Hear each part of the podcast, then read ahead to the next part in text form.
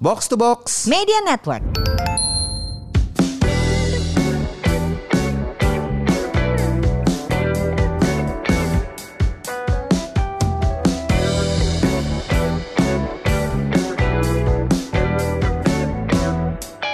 Halo Semurian, welcome back to Podcast Semur, Sehat dan Makmur. Podcast yang akan ngajak kamu untuk sehat jasmani dan makmur finansial bersama saya, FX Mario. Dan saya juga ditemani oleh rekan saya. Halo, saya Ligwina Hananto. Mar, kalau ada Baik. satu penyakit yang Ah. menurut gue mengerikan dan menakutkan, Hmm. itu Alzheimer, Mar. Alzheimer pikun. Nah, sebenarnya gue juga nggak tahu itu apa. Mari kita undang aja orang yang lebih paham untuk ngobrol ini, oke? Ajak aja langsung. Oke, ini kita mau ngenalin yang jadi tamu kita hari ini adalah Mhm. eh, ini sebenarnya sahabat gue, tapi gue akan pura-puranya profesional ngobrol sama dia. Mhm, mhm. Ada Amalia Fong Utomo, hai Lia. Hai Wina. Halo, halo. Langsung jaim gini Li. Dia ini Serius adalah ya gue? Deputy Executive Director Alzheimer Indonesia Aha. dengan lokasi di Belanda. Pernah juga Ya. pakai sama kita bukan? Belum. Kita, belum loh. Oh, cuman pernah gue Kita coba kita ya. cerita kita ceritain doang hidupnya dapat sepeda itu doang. Eh, oh lihat, Heeh, itu itu personal. Sekarang lo profesional, makanya Saya profesional. Dari dapat sepeda bekas jadi bicara masalah Oh iya, Alzheimer. jadi Deputy Executive Director Alzheimer Indonesia. Lia nggak sendirian, Lia juga ditemani sama Dr. Kenia yang adalah Kepala Divisi Edukasi Alzheimer Indonesia. Hai dok, Dr. Kenia, halo halo. Halo, Halo semuanya. Halo. Li, ceritain organisasinya dulu kali, Li. Jadi Alzheimer Indonesia tuh gimana sih? Oh gitu, oke. Jadi eh, Alzheimer Indonesia itu em, kita udah berdiri eh, kira-kira dari tahun eh, 2000. Kalau dari awal sih 2013 gitu kan ya 2013. Jadi sebetulnya udah lama. Tapi memang karena isu Alzheimer ini pada saat itu tuh belum terlalu banyak gitu ya, karena kan ini kesehatan mental. Mhm. Jadi dari situ kita punya em, visi dan misi untuk meningkatkan kualitas kualitas orang hidup dengan demensia. Nah, jadi kadang-kadang nih kalau Alzheimer gitu kan ya, kita kan eh, orang nyebutnya eh, Alzheimer kayak tadi lo bilang nanti mungkin dokter Pikun, Kenia akan jelasin pikun gitu kan Iya. ya. Tapi mungkin nanti dokter Kenia dia bisa nerangin yang lebih jelas dari sisi medis. Nah, kalau gue dari Yayasan Alzheimer Indonesia sendiri, kita sendiri dari 2013 itu kita berbagai macam, kita ada advokasi, ada edukasi, terus kemudian kita ada outreach, kita juga ada awareness. Jadi sebetulnya kita mempromosikan eh apa ya, em, healthy aging gitu. Hmm, Jadi hmm. kayak kayak Mario lo kan olahraga, Wina Yes. juga financial. Jadi sebetulnya tuh kita concern banget gitu karena kadang-kadang kita nggak cuman mikirin soal ya kita nanti pensiun mau gimana, tua mau gimana, fisiknya kuat apa gimana. Tapi ternyata yang banyak kecolongan tuh kan eh, mental ya gitu. Yang dicek tuh selalu lo pergi ke general check up gitu kan. Yang dicek fisik lo kan. Ya jantung, paru, darah. Nah, nggak ada gitu yang lo dicek juga mental health lo atau brain gitu Hmm, kan, hmm, jadi hmm, kesehatan otak gitu. Nah, jadi itu yang lagi kita coba terus. Kalau detailnya tentu nanti lo bisa lihat di website ya eh, www.alzi.or.id. Di situ ada lengkap, kita ada layanan caregivers juga, ada community support. Tapi yang penting kita eh, juga community support karena memang dari segi klinis kan belum ada obatnya nih tuh sampai Oh, Oke, sekarang. oke, oke. Oh, kira-kira seperti itu. Nah, apa itu Alzheimer sendiri? Mungkin eh, dokter Kenia bisa nanti menjelaskan. Saya saya nggak tahu kalau Alzheimer nggak ada obatnya justru karena main game. Jadi ada ada ada satu Ya. game ada satu game detektif yang gue mainin yang yang ternyata ada kayak satu skandal di, di Menteri Kesehatan Jepang gitu kayak kita berhasil eh, menemukan obat Alzheimer yang ternyata scam gitu gitu. Dari situ gue baru tahu oh Alzheimer belum ada obatnya. Keren. Oh Alzheimer ternyata eh, memakan segitu banyak korban di Jepang gitu kan Eh, dengan demografi orang tua begini sekian persen jadi korban dan dan, dan segala macam. gitu ya. Hmm. Iya, iya, itu gue tahu aja dari game gitu. Jadi karena game itu juga gue baru mainin eh, belum ada setahun lah, jadi kayaknya gue masih ingat lah banyak hal tentang Alzheimer yang gue tangkap dari game itu. Jadi nanti gue mau tanyain di sini, bener apa nggak seakurat apa game itu? Iya, iya memang karena belum ada obatnya. Nah, Hmm, jadi eh, jadi sekarang kan semua penelitian itu kan emang ya masih berlangsung ya. Kemarin Ya, udah ya. di em, apa di Amerika juga udah ditemukan, tapi itu kayak satu unsur dari obat aja gitu yang yang dan itu pun di Eropa tuh nggak diakuin, biasalah begitu-begitu ya. Nah, jadi selama menunggu obatnya ya treatment-treatment non farma namanya, yang non Hmm, non hmm. apa ya gitu, yang non medis gitu ya memang sangat diperlukan, terutama community support ya gitu. Oke. Karena kita nggak hanya penyakitnya doang, jadi kita nyebutnya ODD, orang dengan demensia Oke. yang hidup. Karena yang kena tuh bukan ODD-nya doang, Mar sama eh, Wina itu keluarganya kena, ya caregiver-nya, caregiver, sandwich generation iya. dan segala macam. Iya, iya, iya. Eh, ya gue juga terpapar dengan dengan dampak buruk Alzheimer dari game yang gue cerita itu eh, gimana ada orang yang bisa sampai ninggalin karirnya demi jadi caregiver buat buat mamanya atau eh, nggak apa-apa deh gue nggak kerja eh, gue jagain mama eh, adek gue aja deh yang biar sekolah. Jadi kan dia ngorbanin masa depannya dia sendiri gitu. Gue baru Ya. jujur gue baru baru terpapar sama Alzheimer tuh baru tahun lalu lah karena gue main game gitu. Nah, It takes away somebody else's life, nggak Iya, si uh, pasiennya aja, tapi juga si uh, caregivernya ya. Kalau kita nanya sama uh, dokter Kenya secara uh, medis, Alzheimer tuh apa sih dok? Karena ya yang kita tahu kan, oh jadi pikun, oh banyak pelupa, bahkan bencana-bencana makin tua makin sering lupa ya. Sebenarnya Mhm. emang emang itu mental atau memang itu secara fisik ada gangguan atau kayak apa sih sebenarnya Alzheimer? Gue by the way ada keluarga gue di keluarga nyokap yang kena Alzheimer dalam satu keluarga tuh dua orang, ibu dan anak. Anaknya umur 50 sekian, ibunya umur 70 sekian. Dua-duanya itu udah didiagnosa Alzheimer. Jadi um, ngelihat perjuangan keluarga untuk ngejaga dua orang dalam satu rumah itu berat sekali gue ngelihatnya. Sebenarnya secara fisik, secara medis gitu apa sih dok? Iya, jadi memang benar sekali ya kalau kita mau men- saya ingin mengangkat kembali yang di istilah yang suka dipakai nih di teman-teman seperti istilah pikun. Jadi Ah. pikun itu sendiri sebenarnya gambaran dari demensia yang eh, merupakan kumpulan dari sindrom ya, kumpulan gejala yang menunjukkan penurunan fungsi otak ditandai Mhm. dengan penurunan daya ingat, eh, kemampuan berkomunikasi, daya berpikir hingga perilaku dan emosi yang mengganggu aktivitas sehari-hari. Jadi eh, sayangnya demensia ini tidak ada istilah yang tepat dalam bahasa Indonesia, namun orang cenderung mengkorelasikannya dengan kepikunan. Eh, di satu sisi masyarakat awam menganggap kepikunan itu hanya sekedar lupa, padahal dalam terminologi medis tidak hanya lupa ya, tapi eh, fungsi otak lainnya juga menjadi terpengaruh. Nah, penyebab dari kondisi demensia sendiri itu ada beberapa faktor dan paling terbanyak adalah penyakit Alzheimer yang mencakup kira-kira 60 sampai 70% kasus dari demensia itu adalah penyakit Alzheimer. Nah, kalau bertanya tentang apa itu Alzheimer, jadi Alzheimer itu penyakit kronis neurodegeneratif yang biasa menimpa lansia di atas 65 tahun, lebih banyak terjadi pada perempuan dengan gambaran yang tadi ya penurunan fungsi otak, namun lebih khas spesifiknya ditandai dengan hmm, hilangnya kemampuan daya ingat atau atau memori terutama jangka pendek. Nantinya Hmm. lama kelamaan sejalan dengan waktu dengan berbagai penurunan perkembangan penyakit tentu saja ya eh, nantinya bisa berkembang tidak hanya jangka pendek bisa jadi hingga jangka panjang hingga lupa identitas termasuk eh, keluarga yang ada di sekitarnya seperti itu. Se- secara fisik itu apakah otaknya kehilangan fungsi atau berkait mengecil atau atau apa sih? atau ada atau ada sel yang rusak gitu dok Ya, ya betul. Jadi kalau dilihat dalam pemeriksaan imaging brain scan otak seperti MRI misalnya, itu gambarannya pada Alzheimer yang atau demensia yang eh, tahapannya ya bukan hanya ringan Hmm. lagi itu memang sudah muncul ada perubahan secara fisik seperti strukturnya ya struktur orga- eh, organ otak itu sendiri menjadi menciut atau mengecil kalau pada Hmm. Alzheimer itu terdapat beberapa protein-protein abnormal yang seharusnya tidak ada jadi muncul ada dan memicu berbagai kerusakan mengakibatkan kematian sel-sel otak yang akhirnya menyebar itu menyebar dari satu tempat ke tempat lain makanya biasanya pada kondisi eh, orang dengan Alzheimer dia pas di fase awal beberapa tahun pertama mungkin gejalanya hanya lupa dengan lupa hal yang ini ya hal baru terjadi seperti bertanya berulang di waktu yang berdekatan hal yang sama. Kemudian lama kelamaan selama setelah beberapa tahun berlalu bisa sam- sampai mungkin sudah tidak bisa melakukan aktivitas mandiri menjadi independen ya hingga akhirnya men- menjurus kepada ke arah kelumpuhan karena memang motorik atau otot-otot gerak tubuh kita dipengaruhi oleh saraf-saraf otak dan bila protein-protein abnormal tadi menimbulkan gangguan kematian sel otak menyebar hingga hampir hmm seluruh bagian otak tentu saja bisa menimbulkan kelumpuhan dan lain-lain. Termenung ya langsung termenung. Iya ya termenung. Iya serem kan? kita kita sering bahas nanti pensiun yeah, mau kayak yeah. apa. Nah, iya iya iya.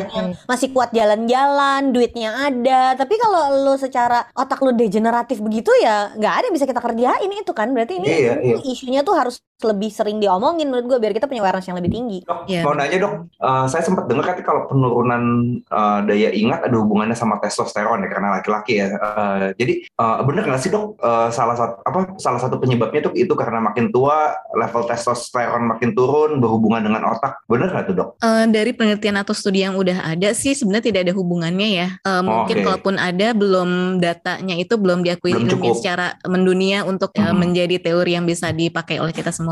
Tapi hmm. memang sebenarnya secara fakta malah statistiknya lebih banyak terjadi pada perempuan. Hmm. Uh, karena biasanya pada perempuan lebih mudah terjadi depresi akibat dari faktor emosi yang lebih berperan dominan ya dibanding laki-laki dan depresi itu ternyata adalah salah satu dari 12 faktor resiko terjadinya demensia gitu. Ada 12 ya. faktor resiko. Iya, betul ada 12 faktor. Di antaranya apa Dok kalau nggak nyebutin 12 12? Um, ya mulai dari um, minimnya aktivitas fisik, ke, uh, kebiasaan merokok, terus uh, konsumsi alkohol, kemudian obesitas, hipertensi, diabetes, uh, depresi juga ada, terus minim bersosialisasi di masa muda itu juga ternyata menjadi faktor resiko terjadinya demensia. Gitu. Minim bersosialisasi di ya. masa muda.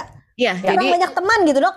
Iya, karena memang ternyata Iya benar. Karena memang ternyata saat kita berinteraksi dengan orang lain kita akan lebih mengoptimalkan semua fungsi otak kita. Mulai dari menganalisa oh. informasi yang masuk, oh. pesan dicerna, kemudian diakses. Ini responnya seharusnya bagaimana hingga mencari pilihan kata yang tepat untuk mengekspresikan apa yang akan dia sampaikan. Jadi uh, ternyata itu berpengaruh ditambah tentu saja saat berinteraksi dengan orang lain gitu ya. Bukan hanya tertulis ya. Gestur-gestur dan uh, uh, apa ya, ya. paparan ya. Paparan yang tertampak saat kita bertemu yeah. langsung itu ternyata ternyata menstimulasi banyak bagian dari otak kita dan ada hormon misalnya hormon-hormon kebahagiaan atau happiness saat berinteraksi dengan orang lain ya apalagi misalnya teman yang dia sukai atau dia sudah lama tidak temui gitu ya.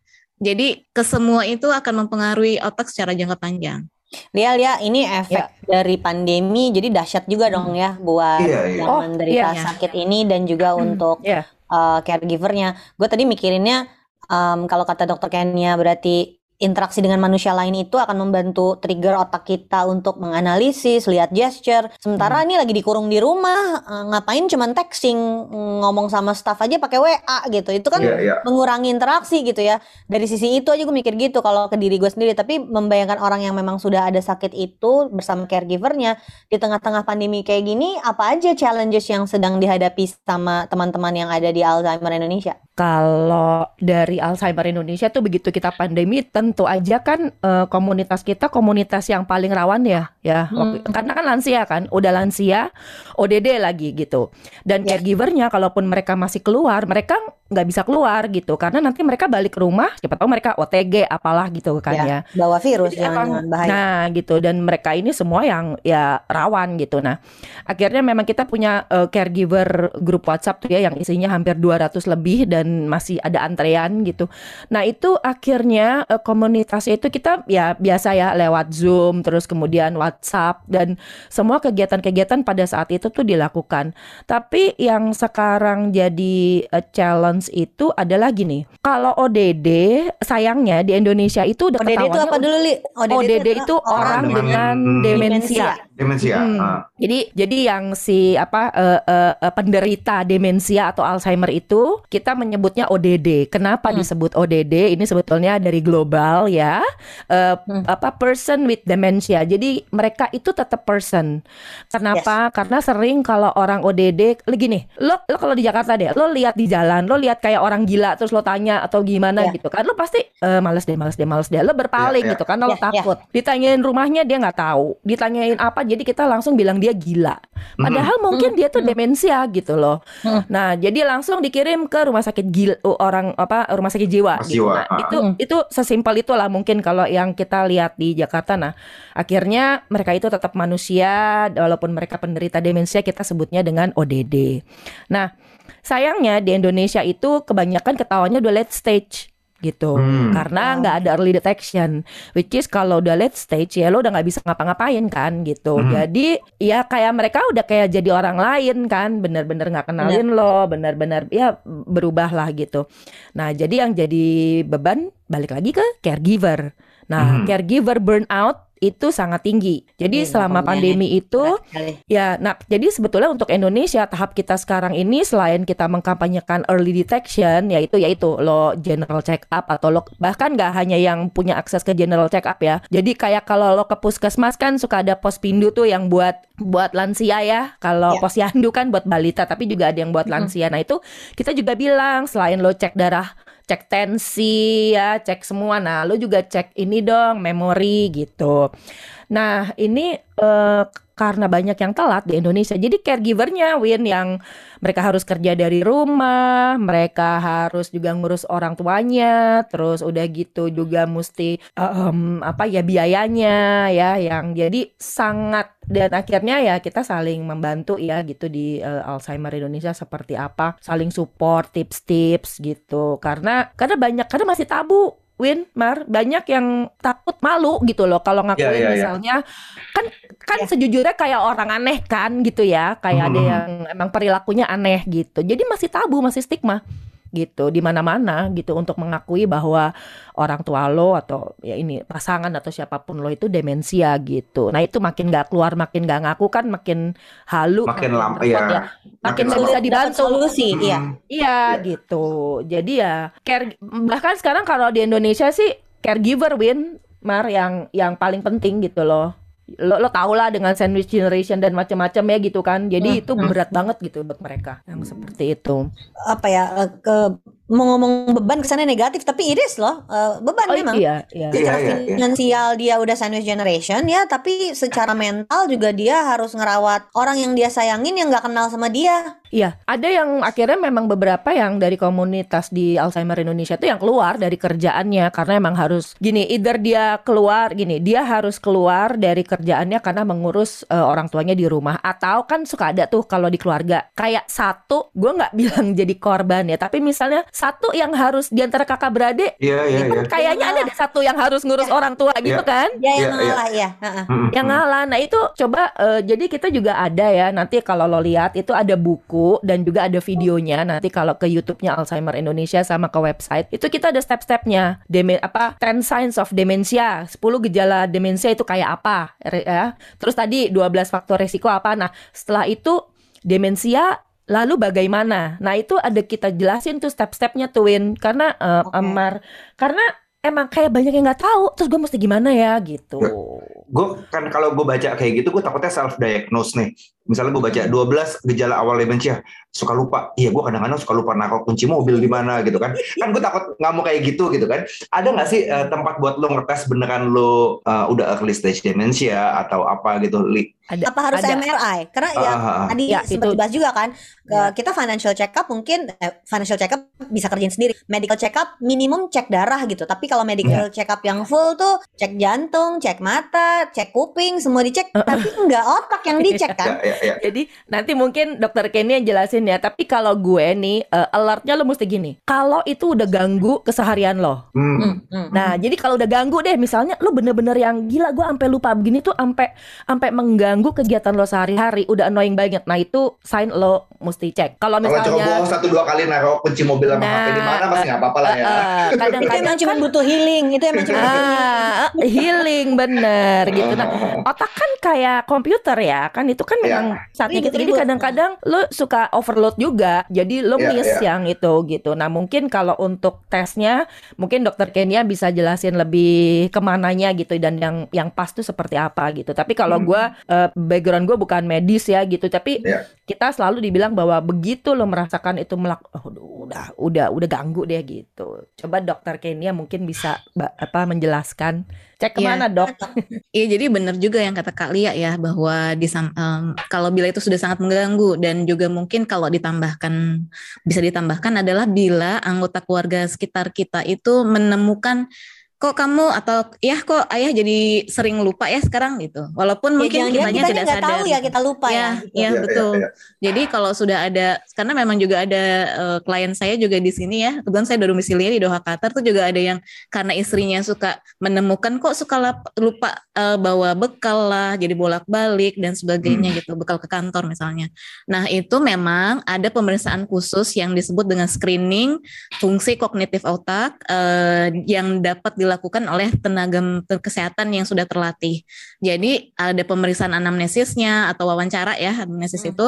Kemudian ada beberapa tes yang harus dilakukan juga bila diperlukan kita memeriksa eh, laboratorium untuk memastikan apakah memiliki faktor risiko karena orang-orang dengan hipertensi, diabetes itu risiko lebih tinggi. Kan demensia ada beberapa tipe, salah satunya juga selain Alzheimer adalah demensia vaskular. Mungkin bisa jadi malah jadi yang sebelumnya dia di umur 50-an dia tidak pernah merasa punya diabetes, tidak pernah merasa punya hipertensi, malah ternyata dari eh, kok jadi mood apa ya berubah gitu ya secara Hmm. secara fungsinya sehari-hari baik mudah sering lupa ataupun biasa melakukan hal yang entah melakukan perencanaan keuangan dan lain yang biasanya lancar bisa nih kok jadi salah dan tidak bisa atau ada gangguan. Nah, itu ternyata eh, baru tahu kalau setelah dia melakukan screening, oh ternyata saya punya diabetes. Gitu. Eh, mungkin kalau nggak ada keluhan yang lain Ini karena kan diabetes penyakit lain juga ya, Ya, dok. iya, betul. waspadai ya. Ya, betul. Dan sekarang sendiri di beberapa lah, fasilitas laboratorium swasta itu sudah mulai ada paket-paketnya. Misalnya seseorang yang punya riwayat keluarga orang tua maupun kakek nenek dengan Alzheimer atau demensia itu biasanya berisiko lebih tinggi terkena demensia Alzheimer juga. Maka eh, sekarang dia di beberapa laboratorium swasta sudah men menyediakan paket gitu, paket untuk demensia. Jadi nanti diperiksanya nggak cuman eh, diabetes ataupun gula darah dan fungsi lainnya, tapi juga ada beberapa protein-protein yang perlu dideteksi pada penyakit-penyakit tertentu. Jadi sebenarnya sekarang udah banyak pilihan sih. Jadi silakan aja kalau memang menemukan seperti itu periksa dulu ke dokter ya. Nanti akan diperiksa lebih lanjut dan kalau memang perlu referensi atau referral eh, baru akan di refer yang ketepat gitu, spesialis yang lebih tepat. Oke, aku punya pertanyaan yang agak global-global nih buat buat Lia kali. Eh, si Alzheimer ini eh, organisasinya kan nggak cuma Indonesia ya, karena gue tahu Lia tuh sampai meeting-meeting ke London lah gitu, ja, nyebrang lah dia eh, handle Nyebrang. segala macam dari banda lah gitu nih buat nyerempet-nyerempet dulu Li. Sebenarnya perhatian dunia global dan koordinasi global tentang Alzheimer tuh kayak apa? Karena we are an aging uh, nation uh, in the future, yang artinya Mm-mm. makin ke sana um, akan lebih banyak lagi orang yang mungkin akan terekspos kan? Iya, jadi emang sekarang tuh kita ada campaign yang udah berdasarkan riset ya. Jadi di risetnya itu adalah satu dari tiga orang di dunia ini, eh satu setiap tiga detik ya, itu kan satu orang setiap tiga detik satu orang terdeteksi demensia di Oh, dunia. wow. Ya, jadi segitu cepatnya gitu. Itu itu secara global ya kalau dihitung gitu. Dan se- sekarang emang kalau misalnya itu kalau dihitung tuh dan kalau global itu WHO sendiri juga sudah memasukkan di agenda mereka mental health karena beberapa tahun ini kan WHO juga mulai aktif ya. Jadi kita udah ada Dementia Council the WHO. Jadi makanya memang kalau kelihatan agak global global gitu ya istilah Oh, Lina Oke, ya udah global ada global Dementia Council WHO. gitu. Oke, penting Udah ada gitu. Itu semua maksudnya eh, karena memang riding the moment sama karena apa? Nih Wina senang banget mungkin karena eh, kebetulan nih ini juga kita riding the moment G20 C20 gitu ya. Hmm. Ekonomi costnya gede Win buat negara. Ya, ya. Lo, lo bayangin nggak kalau misalnya ini yang tuh yang gini. Kalau lo pengen apa populasi aging lo lo gini panjang umurnya ya Mm-mm. ya kan gitu. Ya. Ya lu semakin tua ada ada isu ini orang semakin tua tuh ada Isu resiko kesehatan. Mm-mm. isu kesehatan. Nah, ini negara juga harus siap gitu. Semua negara. Kalau negara apa namanya eh, high income, middle income lumayan lah gitu. Tapi kalau kayak Indonesia yang lo middle income country kan gimana gitu ya gitu. Ya. Jadi ya Hmm. ya ke situ sebetulnya. Jadi ya dari WHO udah ada, global juga banyak gitu kan. Kita juga banyak belajar adaptasi dari negara-negara maju yang yang kulturnya dan ini customize banget Win. nggak bisa gitu ya. Mar eh, eh, apa pasti beda. Setiap orang tuh pasti beda gitu eh, demensianya. Karena memorinya Ah, dia kan oke.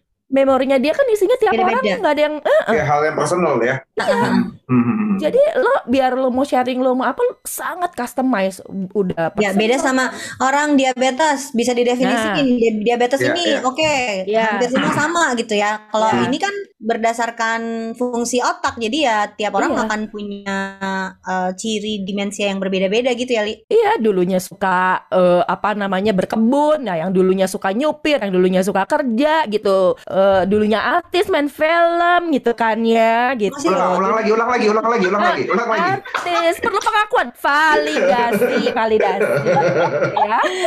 Nah, tapi ini ini eh, conversation yang sangat seru dan menyenangkan. Em, jadi betapa kita perlu eh, taking care of ourselves sekarang Mhm. dari Ya. sisi kesehatan dan finansial itu jadi sangat penting. Eh, dan kalau kita dengan umur kan pasti nambah terus gitu ya.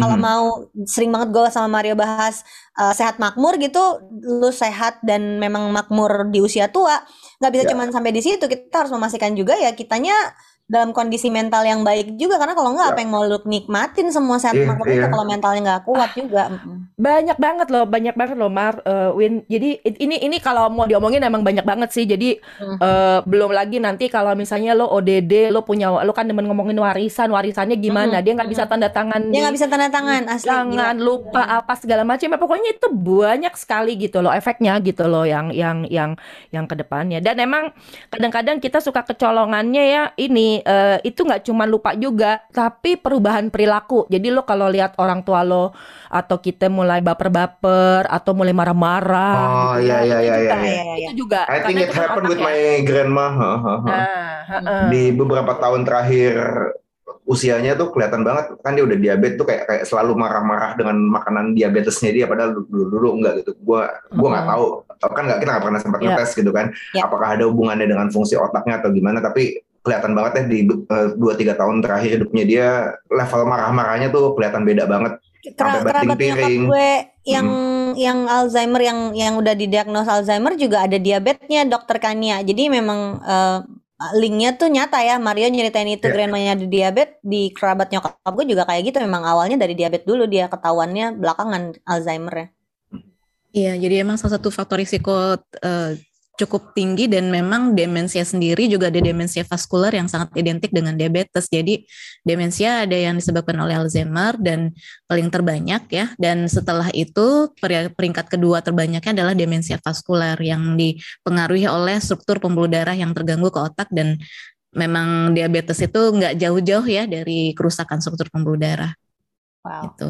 Dan memang Useful information. Eh, mungkin bisa ditambahin emphasize lagi bahwa pandemi ini eh, bisa dibilang mengakselerasi perburukan ya dalam artian peningkatan jumlah Hmm. eh, kemungkinan orang yang berisiko ODD dengan gaya hidup yang hanya ya. di rumah saja gitu kan Ya. tadi kan Ya. minim aktivitas kemudian obesitas sebelum lagi kekhawatiran stres karena eh, dampak dari pandemi yang luas jadi eh, itu semua akan mempengaruhi ditambah dari berbagai kondisi di lapangan sendiri para caregiver tuh bercerita bahwa kondisi pandemi ini membuat penurunan dari ODD yang dia rawat, orang dengan demensia yang dia rawat itu memburuk jadi beberapa tahun ke belakang. Jadi tadinya Wow. misalnya sudah dengan terapi-terapi yang ada, baik farmakologi non farmakologi itu sudah improve gitu ya, ada perbaikan dan dengan pandemi ini berubah gitu, mulai dari karena sulitnya membawa orang dengan demensianya ke rumah sakit karena dibatasi hanya boleh emergency life saving misalnya, eh, padahal harusnya kontrol dan sebagainya gitu ya. Jadi memang bi- mudah-mudahan ya dengan momen ada diskusi seperti ini bisa menambah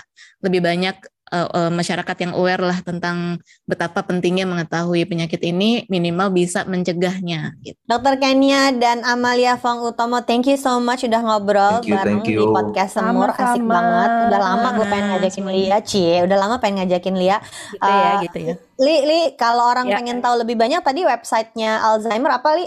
Eh, www.alzi.org.id.